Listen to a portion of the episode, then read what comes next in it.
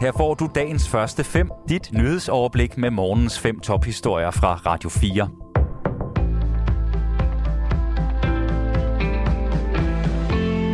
Det er onsdag den 20. juli. Mit navn er Asbjørn Møller.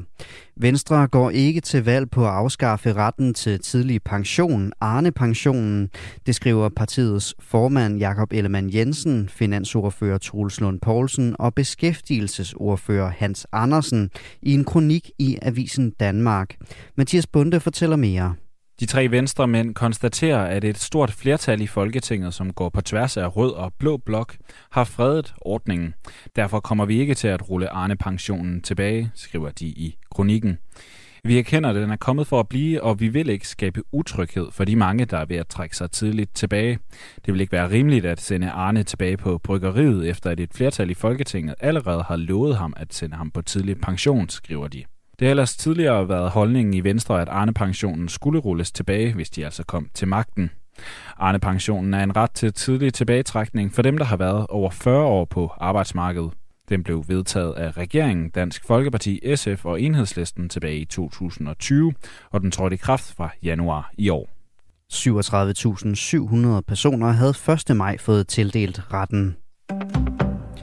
EU planlægger at foreslå medlemslandene en frivillig reduktion af brug af naturgas på 15 procent fra næste måned. Det skriver mediet Bloomberg ifølge Ritzau.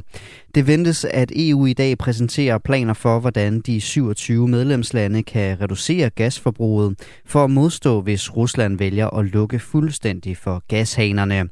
Forslaget vil skulle godkendes af medlemslandene. Ifølge Bloomberg vil planerne også inkludere en tvungen reduktion af gas i tilfælde af, at situationen forværres og frivillige reduktioner er utilstrækkeligt. Det er en stor gruppe af medlemslandene dog imod ifølge mediet.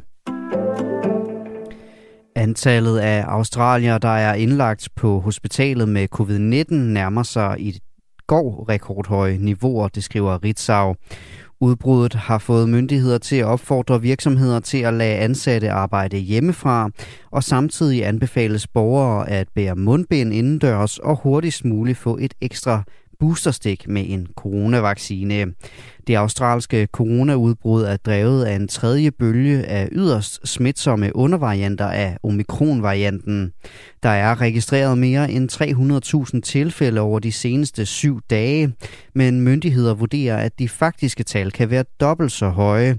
Australien har ca. 25,5 millioner indbyggere, og ca. 5.300 australiere er på hospitalet med covid-19 for tiden.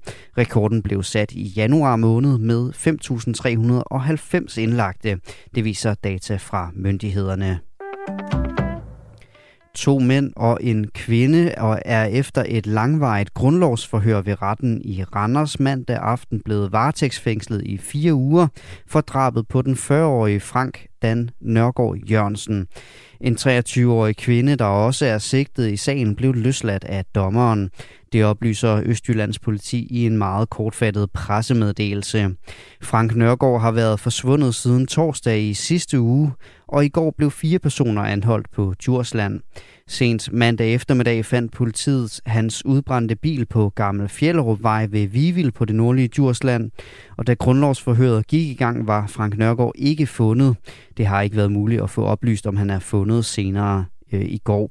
Alligevel lød sikkelsen mod de fire ved grundlovsforhøret start, at de i forening skal have dræbt den 40-årige formentlig ved kvælning. Det skriver blandt andet TV2 Østjylland og Ekstrabladet, der var til stede i retten. Under pilotstrækken har rejsebureauerne haft problemer med at ombooke gæsternes flybilletter, og tilbage står spørgsmålet om, hvem der skal dække tabene, SAS eller rejsebureauerne. Og derfor forventer Lars Tykjær, der er direktør i brancheforeningen Danmarks Rejsebureauforening, en retssag eller to. Han peger på, at foreningen i øjeblikket kører nogle coronaretssager om, hvornår et rejsebureau skal betale kunden tilbage, hvis de insisterede på at komme hjem i foråret 2020, hvor coronapandemien brød ud. Dem forsøger man at afklare nu via retssager, og der er vi gået ind og har sagt, at vi gerne vil støtte den principielle retssag. Det samme kommer formodentlig også her, siger han. Dagens første fem er tilbage igen i morgen tidlig. Hvis du har brug for en nyhedsopdatering inden da, kan du altid fange os i radioen, på nettet og i vores app. Vi høres ved til dagens første fem fra Radio 4.